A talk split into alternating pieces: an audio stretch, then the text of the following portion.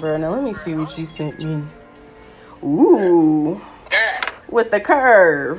girl. He was taking a shit. I said that. I was like, bro, you you taking this shit, ain't you? Quit lying, bruh. Come on. Quit lying, bruh. I'm dead. Balls all on the toilet seat. Right. ah, niggas,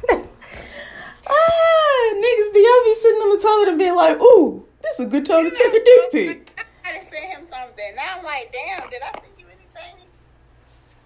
anything? Niggas are funny. Now I gotta go find my own news. Anytime is a good time for a dick pic, even mid shit. Right. I mean, hey, if you you give me money, you can send me your dick pic. but Sure No, can. I don't want it. Shoot.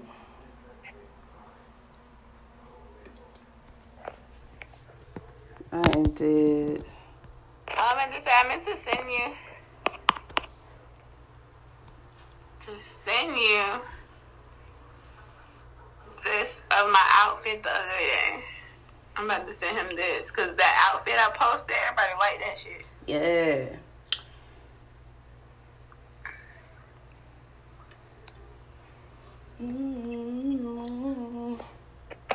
Bitch, oh, Delana, I'm just letting you know that since we about to get some money, we about to buy this podcast equipment. If you want to set it up at your house, then that's fine because I can just come and visit We most definitely can.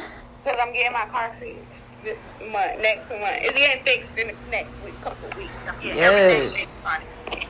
So we can get the sunroof fixed. We're going to be riding, bitch. Let's get it. And you know I like to drive. I was definitely trying to think of something for us to do for Memorial Day, so My, my best friend said, um, Precious, she said her daddy having a cookout at his house. I'll Oh, bet. What, out in Augusta? in Atlanta. In Atlanta? Oh, bitch, we're Yeah, there. she stay here. She stay in Augusta, but her daddy stay in Atlanta. So that's how.